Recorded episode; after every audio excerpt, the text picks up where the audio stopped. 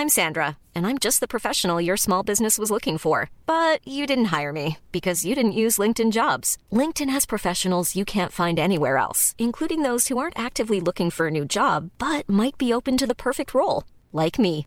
In a given month, over 70% of LinkedIn users don't visit other leading job sites. So if you're not looking on LinkedIn, you'll miss out on great candidates like Sandra. Start hiring professionals like a professional. Post your free job on linkedin.com/people today. Burrow's furniture is built for the way you live.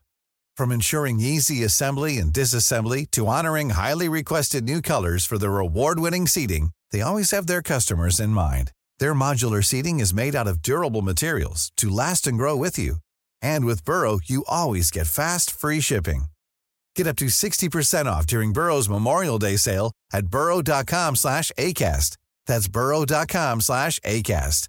burrow.com slash ACAST. Hey, I'm Ryan Reynolds. At Mint Mobile, we like to do the opposite of what Big Wireless does. They charge you a lot, we charge you a little. So naturally, when they announced they'd be raising their prices due to inflation, we decided to deflate our prices due to not hating you. That's right. We're cutting the price of Mint Unlimited from $30 a month to just $15 a month. Give it a try at mintmobile.com slash switch. $45 upfront for three months plus taxes and fees. Promo rate for new customers for limited time. Unlimited more than 40 gigabytes per month. Slows. Full terms at mintmobile.com.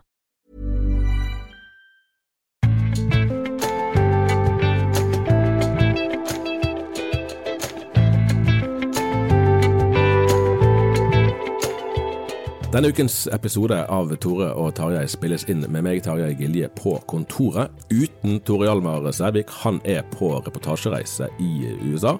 Men jeg har fått med meg et kjærkomment selskap, og det er jo da denne podkastens rette mor. Nemlig dagens tidligere nyhetsredaktør Astrid Dalehaug Norheim. Hjertelig velkommen, Astrid. Jo, eh, tusen takk, og jeg ble nesten rødma nesten litt her. Jeg skal ikke ha mye ære, men jeg skal ha ære for å ha mast dere i gang. Det, den kan jeg ta. Den, det fortjener du. Eh, Dette er nemlig episode nummer 200.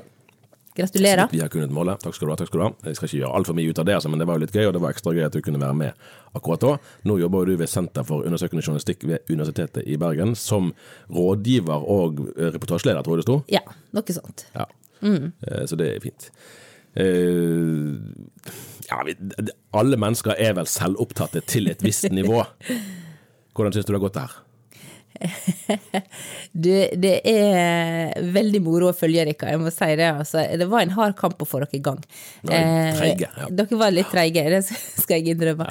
Det begynte jo med at jeg stadig vekk var innom dette kontoret og satt i denne her stolen her, eh, og da har jeg utsikt til pultene til både Tarjei og Tore Hjalmar, og så var det så mange gode eh, samtaler her inne. Eh, og så var jeg Sett nå opp en podkast og ta samtaler så andre får være med òg, for jeg syns det var veldig kjekt å få Det var jo smigrende for oss selvfølgelig å høre det. Ja. å lytte og få være med i de samtalene. Og så var det egentlig det dere gjorde.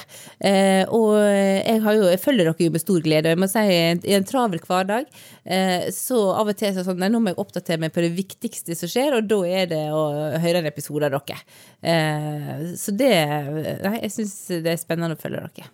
Det har vært veldig kjekt òg å utvikle eh, lydformatet. sant? Vi har jo skrevet i alle år, eh, og det er jo en, eh, en kunst i å formulere seg, eh, eller å gjengi andre sant? i det hele tatt eh, konsist. Eh, Podkastformatet er jo muntlig, naturlig nok, i, i sin form, og dermed òg litt mer ledig. Og faktisk òg har det Det har slått meg nemlig av og til når jeg har skrevet ut eh, deler av disse intervjuene som reportasjer, at selv en lang, en lang reportasje i avisen har kanskje bare en tredjedel av en episode i antall ord, og da helt konkret. Eh, Som med andre ord at vi får måte formidlet mye mer av nyanser og perspektiver når vi kan sitte her en halvtime eh, og snakke. Eh, Og det syns jeg er veldig fint. da. Ja, det er det. Virkeligheten er jo som regel mer sammensatt enn vi Så blir man jo veldig tett på dere når man går med headset på og hører på dere. Så jeg har jo tatt meg i å vandre rundt i byen og humre og le. Det var jo jeg fint. Det på dere. Jeg føler jeg sitter her inne. Nei, og Det er jo litt, litt det som kanskje er noe av det som er flott med med, nå, nå er jo de ut, altså disse her for eksempel forklart og oppdatert mm. podkastene til NRK og Aftenposten er jo egentlig profesjonelle radioproduksjoner. Og de sitter jo i studio vet jeg, ganske lenge og klipper og redigerer og gjør sånn som man gjør der. Mens dette er jo egentlig Det er ikke uredigert, men det er ikke så veldig mye Ikke så om veldig å gjøre. Og dermed er man på en måte med i en samtale. For ingen av oss, når vi snakker med venn- vennene våre, så sitter vi jo ikke med korrekte setninger, og alt er helt perfekt formulert eh, liksom, fra første stund. Mm. Så man er med i en samtale. Det er noe som kan være litt sånn autentisk eh, med òg. Ja, og det er jo mye av styrken eh, til podkast, om å skape en sånn her eh, fellesskap eh, av folk. Nettopp. Astrid, du begynte jo i dagen når du var tenåring, vel? Ja, jeg var absolutt tenåring. Jeg var 18. Nettopp. Eller 18, som det heter. Ja, det er jo det det egentlig heter. Der du kommer fra. Nei, da hadde jeg min eh, første sommerjobb her. Hadde knapt vært i Bergen eh, før. Og tok, eh, var, var ferdig siste dag som russ eh, på Tryggheim. Ja. Eh, internatskolen til Misjonssambandet på Nærbø. Eh, tok båten til Bergen og gikk i land, og hadde knapt vært i byen før. Og gikk på min første sommerjobb her. Hva som gjorde at du ville det? Nei, jeg har jo drømt om å være journalist siden jeg var veldig ung. Eh, og så åpna muligheten seg i, i dagen. Og jeg abonnerte på Dagen hjemme, så jeg har alltid lest Dagen. Så det var veldig stas. Nettopp. Og så jobbet du litt gjennom studietiden. Ja, og så jobba jeg eh, en del år etterpå, og så var jeg var, var ni år i Vårt Land. eh, Og så kom jeg tilbake igjen eh, her for kanskje ti år siden, eller noe sånt, og var her eh, fram til i fjor. Nettopp. Og, og dermed har du det, på en måte det, du har vært her veldig mye lenger enn det har gått tid siden Ja. eh, du var her. Men det er jo litt gøy å spørre likevel hvordan du nå tenker tilbake på For så vidt òg, liksom, er det noe særlig sånn utviklingstrekk over litt tid, at det har forandret seg på en eller annen måte? Oi, det var store spørsmål, eh, men um... Ja, Det er litt tidlig om morgenen, vi, Ja, ja, det- vi må kanskje ta det forbehold. takk. For vi skal gjøre dette før du skal på din egentlige jobb. Ja, ikke sant. eh, nei, altså det har jo eh, eh, skjedd Altså, Kristen-Norge har forandra seg, og, og eh, kristenpressen og pressen har forandra seg. Eh, Kristen-Norge har nok blitt eh, mye mindre felleseie. Det er blitt mye mer fremmed for, for mange folk. Eh, for, for 20 år siden så hadde du de fleste du traff gått i et barnekor, eller hadde du gode erfaringer med å samle stjerner i søndagsskolekortet sitt og sånn? Nå, nå er det veldig fjernt for veldig mange. Eh, når det gjelder medieutviklingen, så har den jo vært helt enorm ifra eh, når jeg kom her, så hadde vi fo eh, fotoapparat og filmer som er framkalt i mørkerommet. Eh, vi skrev ikke på skrivemaskin, altså, men det var ikke så veldig langt ifra. Ja, det er, visste, du at forfatteren Jan Guillaud faktisk skriver bøkene sine på skrivemaskin? Jeg hører det her, altså. Det syns jeg var ytterst fascinerende. Det er veldig. Men jeg skjønner jo nærheten. Jeg skriver jo ganske mye for hånd sjøl, for det er nærheten til det du formidler når du gjør det. Nei, og jeg husker han vi snakket om å i gang i framtida, da kan vi sitte på Galdhøpiggen og ta bilder og skrive og sende mm. derfra. Jeg tenkte dette er science fiction. Eh, og så er vi her eh, i dag i et eh, forrykende tempo. Eh, man lager Papiravisene er blitt et sideprodukt. Vi publiserer på, for mobil og på nett, og det er podkaster, og det er dokumentarer, det er mye mer levende bilder. Det er lydfiler, det er høy kompetanse hos journalister og et veldig spesialisert samfunn. Eh, og du har fått sosiale medier, som eh, Før var det jo veldig sånn Det, det var NRK og VG og TV 2 og de som på en måte formidla nyheter. Nå er, det, er alle sine egne redaktører ute i sosiale medier. Vi trodde jo at det skulle føre til enorm demokratisering, og så har det ført til voldsom polarisering. Det er ganske interessant å tenke tilbake. Nå, altså Dagen feiret jo 100-årsjubileum i 2019. Eh, og noe av det som var diskusjonen for 100 år siden, var jo på en måte trengs det virkelig egne kristne aviser? Kan ikke vi få inn det kristne stoffet i andre aviser? Og Det var jo samme type diskusjon med KrF Ja. noen tiår senere. Trengs det virkelig et eget politisk parti? Eh, og når vi snakker om samfunnsutvikling og se på det samfunnet da, sant, der mange flere hadde gått på søndagsskole, gikk på søndagsskole mm. osv., eh, sammenlignet med vårt samfunn, hvordan, hvordan eh, oppfatter du den kristne pressen og eksempel, sin rolle i dag? Eh, nei, jeg eh, merker jo det at når jeg er ute og reiser og forteller at vi har to kristne dagsaviser i Norge, så tror jo folk nesten meg ikke. Nei, Nei, for det er nok ikke mange land i verden som Nei, det tror jeg ikke kan være. Jeg kan ikke se hva, det, hva andre land det skulle være som har en, og, og, og gitt at vi er så få. Men klart, nå er vi jo et veldig eh, nyhetskonsumerende folk, da. Eh, så du må jo se det i, i den sammenhengen òg. Ehm, nei, jeg uh, opplever jo at uh, det har um, uh, både Dagen og Vårt Land står jo hele tida i mellom Kristen-Norge og samfunnet. Eh, og fortolker, tar opp, setter kritisk søkelys, synliggjør Kristen-Norge inn mot samfunnet. Tar opp en del saker som ellers ikke ville vært på tapetet. Eh, så er det jo, man må jo vedgå at det er veldig unikt at man har to kristne dagsaviser. Så jeg tror eh, det er med til å opprettholde og synliggjøre eh, det Kristen-Norge eh, i samfunnet òg. Jeg lurer på om ett et utviklingstrekk som jeg tror vi kan si har funnet sted, og så kan vi diskutere hvor, hvor stor forskjellen er. Det går jo på de kristne avisenes rolle overfor eh, ting som skjer i samfunnet rundt, og eh, rollen disse mediene har overfor det kristne Norge. Mm. der jeg tror du kan si at det er en, en viss profesjonalisering av journalistikken, at vi tenker at eh, altså Kristen-Norge, menigheter og organisasjoner trenger journalister akkurat på samme måten som alle andre deler av samfunnet gjør det, fordi det kan, det kan skje maktmisbruk, det, er grunn til å stille spørsmål, og samtidig så er det også grunn til å fortelle spennende og gode historier. Mens, mens både når du og meg eh, begynte her i avisen, så var man vel mer opptatt av ja, nå har en eller annen eh, biskop sagt et eller annet som vi reagerer på, eller en politiker har kommet med et eller annet forslag som dagen er imot, nå må vi finne innhente reaksjoner. Men at da er måte, eh, spaltemillimeterne gikk mer til å, å skrive om ting som skjedde utenfor den kristne sfæren. Hvor stor eh, ser du den utviklingen? Eh, nei, jeg, jeg kjenner det er en veldig stor utvikling med at jeg, jeg, når jeg var eh, ung her, og var ung i begynnelsen på 20-åra sånn, og reiste rundt, så var det rett og slett et ønske om at jeg skulle skrive møtereferat. Altså jeg skulle skrive fra taler og sånn. Det gjør vi jo ikke lenger. Men vi, eh, og vi prøvde, når jeg eh, var her i slutten, eh, før jeg slutta her, så var vi jo mye mer opptatt av å fange opp eh, viktige tema i, eh, ute i eh, organisasjonene og kirke, kirkene. og, og ikke sitte og skrive. Vi satt, og, vi satt jo og fulgte med. Vi satt jo på generalforsamling, årsmøte og kirkemøte. men tok opp de debattene som vi merka at det var viktige for folk, og det var oppdrift i, det. Så jeg tror det, og det, en, jeg tror det har vært en veldig profesjonalisering av, av eh, journalistene. Man sier jo ofte at eh, ting var bedre før. eh, mens det er veldig mange journalister som sier at nei, ting var absolutt ikke bedre før. At man har nå har veldig eh, obs på uavhengigheten sin, og at man har, spiller en viktig rolle ut mot publikum. Det er publikum man skal serve, og ikke, ikke noen andre. Eh, og så er det selvfølgelig store utfordringer knytta til at man må jo eh, folk må, Man må jo skrive sånn at folk vil lese. Eh, vil folk lese? Vi ser jo Da kan jeg bare få skyte inn der. Ja. For der er det jo altså, på et visst nivå et moralsk dilemma. At vi, når vi har leserundersøkelser. Ja. så spør vi leserne våre ønsker dere Ja, for eksempel, vil du ha mer stoff om misjon? Ja. Og mange vil svare ja på det. Ja. Men når vi da skriver saker om misjon, så er det ikke gitt at de sakene får så gode lesertall, og hva gjør vi da? For det er jo det, sant? nå kan man jo se hvor mye folk eh, leser, hva saker folk leser når de leser digitalt. Eh, når vi lagde papiraviser, så gjorde man jo ikke det. Eh, og, og det er jo en sånn reality-sjekk òg.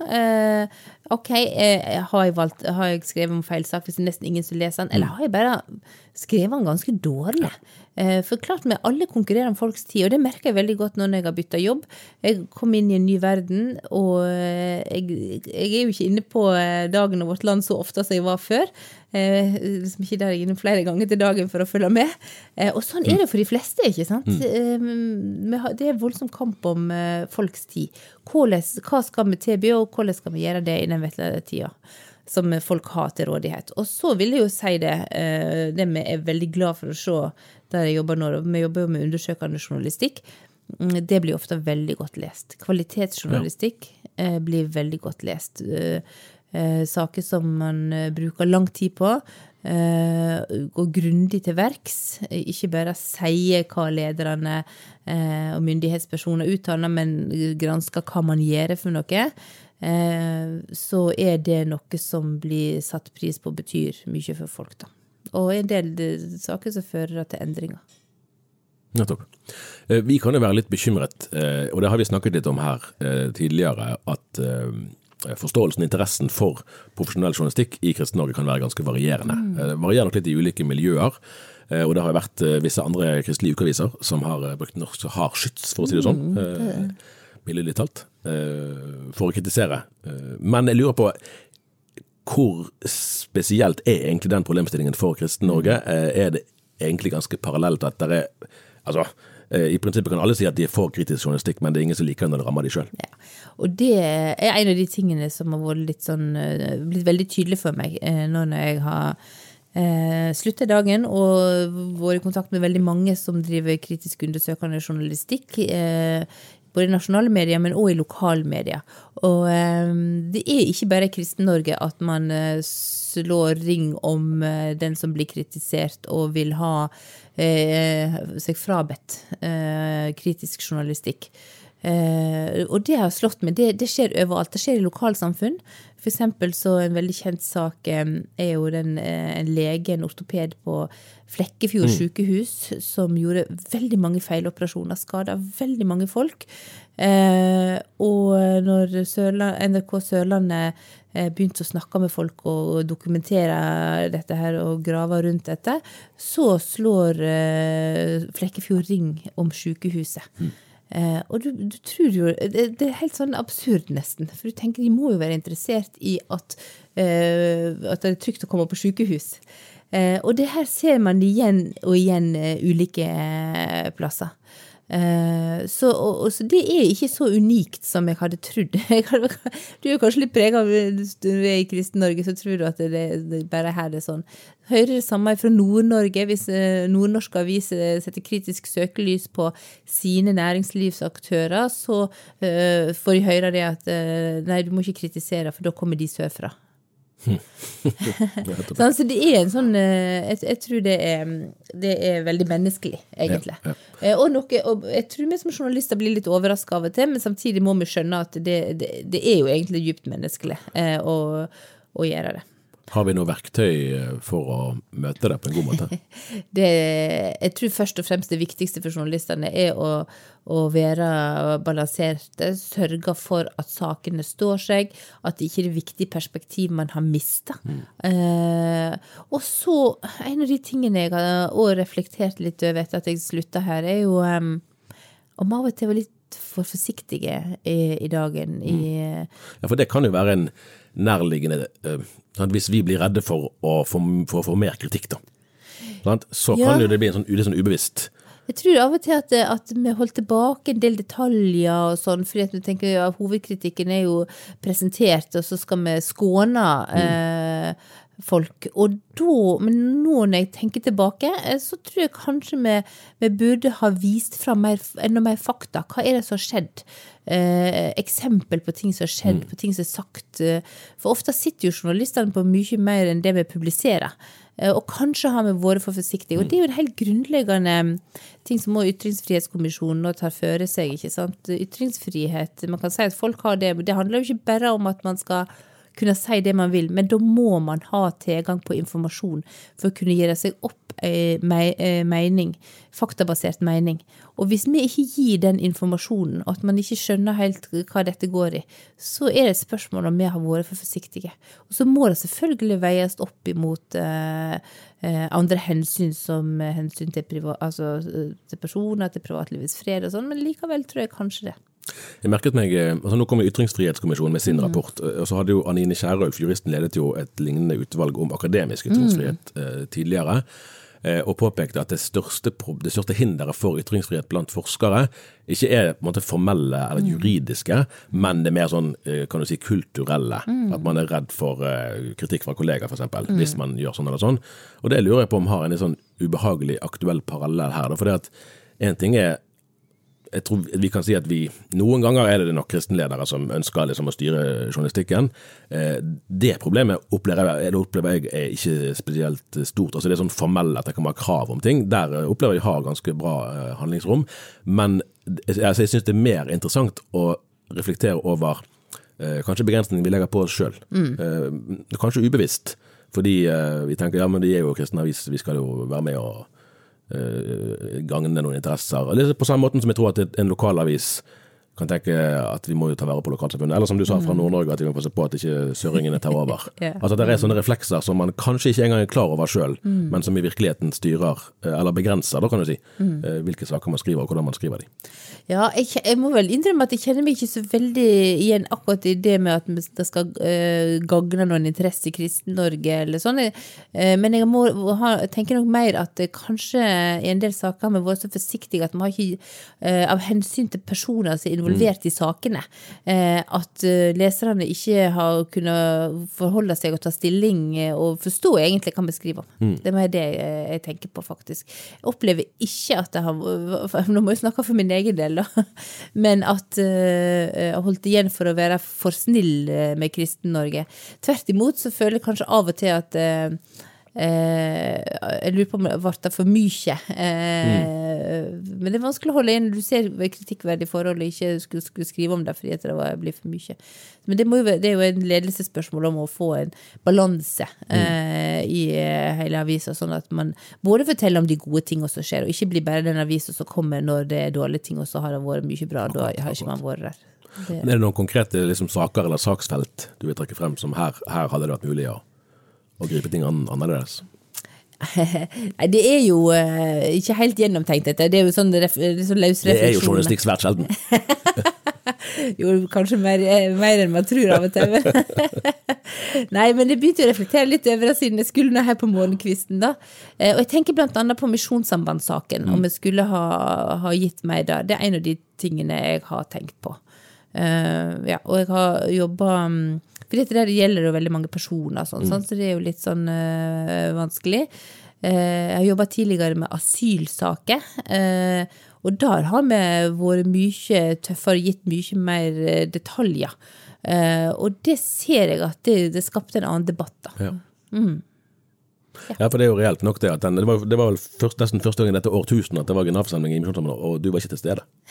det kan vel stemme. sommer. Det var veldig rart å ikke være på Misjonssambandet. For, det, for det, er jo, det, er jo, det er jo noe sant i det at uh, det var vel Jeg vil i hvert fall si at det var noe litt uforløst Ja. eh, over samtalen. der. Alle kunne se at det hadde vært en opprivende konflikt som hadde fått det konkrete utslaget at generalsekretæren eh, gikk eller måtte gå. Eh, og, og, no, og noen visste en god del om, om hva som lå bak, men de fleste visste nok ikke så veldig mye. Og det kom frem i mange innleggene Ja, men de vet jo ikke hva som har skjedd. Ja, ja. Eh, Og og kanskje det- det kunne vi ha gjort noe mer med det. Ja, ja, kanskje På, skulle på man en det. forsvarlig måte. Ja, sånn. eh, ja, for jeg tror det er mer å gå på der, altså. Ja. ja, det er noe å tenke over det. For der kan det være en sånn Det var litt det Det er kanskje feil å si at det er noen sånn interesse man vil beskytte, men at det kanskje er en litt sånn forsiktighetsrefleks Ja. da, som, tror- som eh, på en eller annen måte slår inn. Det det, tror jeg i hvert fall man må stille seg ganske grundig spørsmål om. Mm. Og jeg er absolutt en av de som bør stille meg det spørsmålet i den saken. Ja, men Vi må alltid prøve å være i utvikling, da. Eh, Vi må snakke litt, eh, litt eh, politikk òg. Sånn, I tillegg til det rent sånn journalistfaglige, så er jo du òg en som har fulgt eh, dette feltet i lang tid. Og det er ikke så mange som kan være sånne kommentatorer eh, på, i, i dette landskapet. Og nå her er det litt sånn eh, familiær morsomhet at eh, eh, nå, torsdag og fredag denne uken her, så skal jo Misjonssambandets nye hovedstyre velge sin formann. Eh, Det kan jo godt være at det blir Raymond Bjuland som fortsetter. Eh, Det virket jo kanskje litt mindre sannsynlig i, i vår. Jeg lurer på om det kanskje blitt mer sannsynlig eh, siden det, men det, det får vi jo se. De er jo suverene sitt valg. Men så er det jo da eh, sønnen hans Hadle eh, Ja. som leder KrFU. Eh, og, og, eh, og moren hans er jo lærer på Tryggheim, der du har gått i sin tid. Eh, og det er jo litt Altså, det Folk skal slippe å bli plassert som mor, og far og sønn og bror og alt mulig, datter og søster, og få være seg sjøl. Men her er det jo litt sånn interessant at akkurat han med sin tilknytning mm. er den som har foreslått en skal vi si oppmykning eller endring, eller hva vil du kalle det for, av, av eh, tilnærmingen til abortspørsmålet. Eh, og som har vakt sterke reaksjoner. Eh, landsmøtet i KrFU er nå om eh, altså den 23. til 25. september, det er vel om 14 dager drøyt. Eh, og der, der han vil legge frem et forslag som i praksis innebærer at, at KrF legger til grunn eh, dagens lov om abort frem til tolvte uke. Eh, og så vil man liksom rette eh, kampen mot det som eventuelt skal skje etterpå. Ja. Eh, Så begrensa ja. aborter totalt. Altså, Ja. Til, ja. Hvordan leser du eh, både forslaget og mottakelsen av det? Ja, eh, det, det vil nok være overraska over at det nettopp er Hadle Bjuland mm. fra Nærbø, tung misjonssambandsslekt, eh, som kommer med et sånt eh, forslag. Eh, jeg tror det er en er, eh, erkjennelse i KrF av at nå er det krise. De er under sperregrensa. Eh, de var under sperregrensa forrige valg. De, sånn, de er av regjering. De er nesten usynlige på Stortinget. Eh, de har fått selvfølgelig mye mindre ressurser. De ligger jevnt under sperregrensa. Eh, og en krisesituasjon kan få folk til å ta drastiske valg som de ikke hadde gjort eh, tidligere. Eh, så har de vel Og eh, det, ser jo med jo veldig godt, og i Kristen-Norge-undersøkelsen vi gjorde her for eh, tre-fire år siden, eh, at eh, det er ikke Kristen-Norge vokser ikke. De må få nye velgere. De, deres grunnfjell eh, er absolutt uh, Kristen-Norge, kanskje bedehus frikirkelige miljø.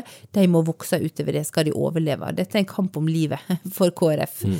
Um, og da er det Det er jo et stort spørsmål, da. Om det, for dette abortsaken har jo vært det, den kjernesaken til KrF, som òg har vært en del av grunnen til at mange av velgerne mm. har valgt de som er For KrF er jo egentlig et parti som rommer folk fra SV på ja, venstresida ja. til Frp på høyresida, men så har de noen saker som gjør at de lander mm. på KrF. Uh, så, så, det er jo en stor risiko. Men uh, jeg tror nok at vurderingen er det at uh, hvis ikke de gjør dette, så, så går det i alle fall blir enda mindre fordi at de klarer ikke å rekruttere nye. Abortsaken, den, Det uklare abortstandpunktet som de har nå, står i veien eh, for å få nye velgere. Og akkurat det er jo et, eh, et konkret eh, bakteppe som er ganske vesentlig. For, for, og jeg, lurer, jeg er litt spent på, på å følge debatten da, når den kommer på landsmøtet, om dette er også et generasjonsskille. fordi at i praksis det som Bjuland tar til orde for, mm. er jo langt på vei det som de har gjort i mange år. Ja. Altså at altså alle vet at den tolvukersgrensen det har nesten, nesten unison støtte i befolkningen. Ja. Eh, det er nesten, altså, nesten enstemmighet i, i, det store hele eh, for den grensen. Eh, så der er det vanskelig å, å, få utrettet noe. Men man kan ha ganske mange tiltak med økt engangsstønad osv. for å få ned eh, tallene senere i, i, i svangerskapet. Eh, om det da er litt sånn at unge politikere er mindre motivert av å skulle ha en, sånn, altså sånn, det som blir en markering, da, mm. en slags moralsk markering, eh, og vil heller bruke kreftene sine på å arbeide med tiltak som kan gjøre en forskjell.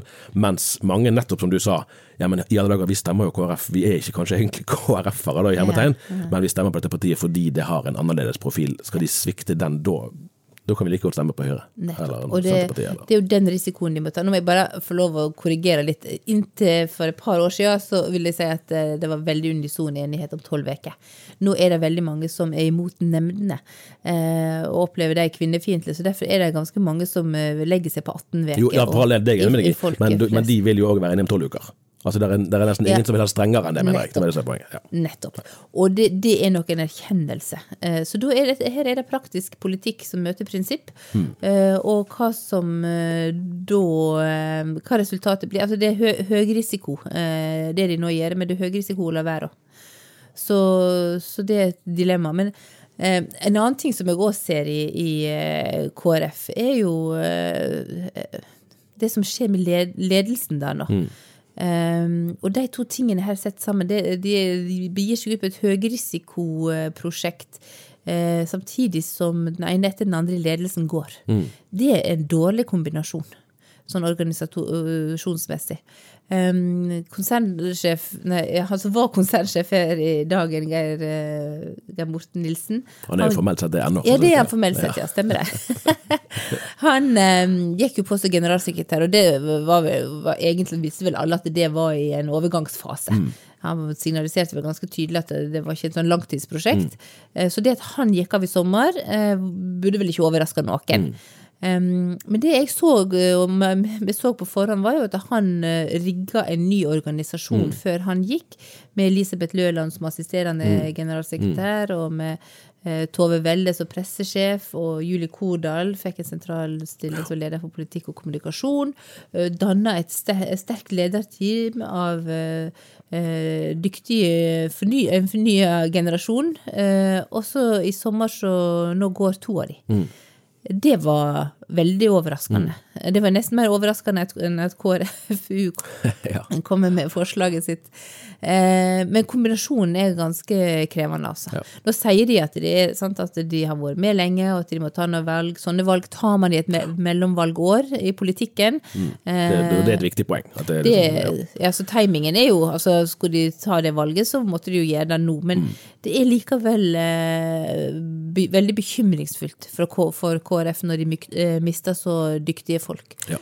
Også, altså, det, det virker, Jeg har ikke inntrykk av at det er noen sånn eh, at det er krisestemning, eller at det er liksom dype konflikter eh, som preger avgangen. Det er mer liksom at eh, ok, dette nå vil jeg heller gjøre noe annet. Ja, de, de sier det. Og det er jo, det er jo ikke, når man vet hva trøkk det er på de, sånne toppstillinger, så er det jo ikke vanskelig å skjønne det. At de må ta et valg. de må, øh, hvis, hvis de hadde vært med videre nå, så hadde de vært med noen år. Det er ikke sånn at du går om et halvt år, da, for eksempel. Ikke sant? Men, øh, men likevel, det vi står igjen med, er jo et KrF øh, med veldig svekka ledelse. Eh, og det er, ikke, det er ikke bra for dem når òg sånne tunge politiske diskusjoner skal tas, som den som, den som kom opp nå. De skal jo snekre, de skal jo ha landsmøte til våren. og mm. uh, Snekre prinsipprogram og sånne ting. Og det å da ikke ha en stabil ledelse som uh, driver det framover, uh, er ja, et usikkert prosjekt. Og, og, bak dette, og det er jo derfor på en måte, altså vi at dette er ganske sånn aktuelt òg inn mot det som vi har snakket om om Kristen-Norge for øvrig, fordi at blant kirkeaktive Mm. Så, så, så, har vi jo sett på, på undersøkelsene, både i den kristne undersøkelsen fra 2019 og liksom dagens øvrige leserundersøkelser, at støtten til KrF er ganske stor. Altså Hvis, hvis Kirke-Norge hadde stemt, så hadde KrF hatt rent flertall, sannsynligvis. Men den gruppen har en ganske begrenset altså den, i, i, andel av befolkningen for øvrig, så er ikke den gruppen så stor. Så hvis det er den gruppen man, man henvender seg til, så så, men der er jo noe av det strategiske dilemmaet, om, om, man vil satse på at da skal vi ha nærmest full oppslutning eh, mm. der. Mm. For da kan man kjøre trygt videre på primærstandpunktet, f.eks. i abortspørsmålet. Mens hvis man vil, eh, vil tenke andre grupper, så, så eh, og det var jo det, det overraskende nok, viste jo tallene allerede vel i 2017 at 25 av de som hadde stemt KrF, var faktisk for selvbestemt abort. Mm. Jeg ja, tipper at det tallet, jeg tror ikke det kom fra 2021-valget ennå, mm. kan godt være at det tallet er høyere. Ja. Og det setter jo òg saken i et litt sånn politisk sett mm overraskende, kanskje, og, og ja. Ja, utfordrende. Jeg tror kanskje det kan være noe av det du sier, at man er inne på at det er generasjonsskifte her. Sant? For at de som eh, nå er i KrFU, de har jo ikke vært med på abortkampene. Mm, det var noe deres foreldre eller besteforeldre holdt på med. Eh, så man eh, finner sine løsninger ut fra den situasjonen og den bakgrunnen man har. Så jeg tror man må lese det litt inn i den, eh, den sammenhengen òg, altså. Mm. Jeg lurer på om, vi, det var så langt vi kom i dag. Ja, det kan godt Men her er, jo, her er, det jo, mange utfordringer å ta med seg i det videre arbeidet. I hvert fall å være faktasøkende. Yes. Det må være en ganske grunnleggende ting. Når man hører noen, eh, Det er alltid godt råd når man hører noen prate og prate, eh, og gjerne berører følelsene, så eh, lytt etter fakta. Hva sier de? Prøv å hente ut det. Ja, faktasøkende. Det tar vi med oss. Det er en god start på dagen, vil jeg si. takk skal du ha. Tusen takk for at jeg fikk komme. Neste uke tror jeg vi skal ha en digital samtale med Tor Elmar i Amerika. Så får vi se hva han har oppdaget. Ha det bra så lenge.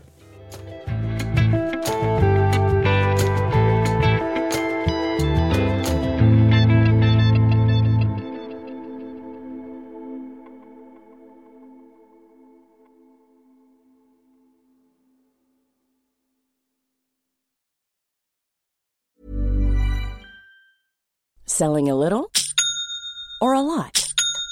Shopify helps you do your thing however you cha-ching. Shopify is the global commerce platform that helps you sell at every stage of your business. From the launch your online shop stage to the first real life store stage, all the way to the did we just hit a million orders stage.